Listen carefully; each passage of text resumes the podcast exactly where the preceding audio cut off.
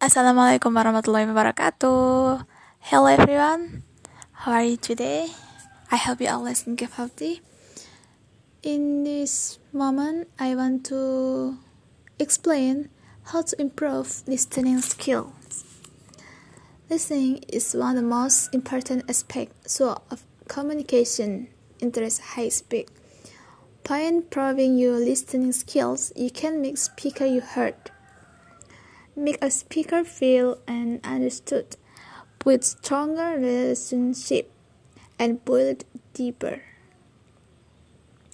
A good listener creates a workplace environment where everyone feels safe to express opinion. They can creatively solve problems in partnership and they can save time, avoid conflict and misunderstanding. 1. Focus fully the speaker. 2. Avoid interrupting. 3. Avoid seeming judgmental. 4. Share your interests. Okay. Thank you for attention. Wassalamualaikum warahmatullahi wabarakatuh.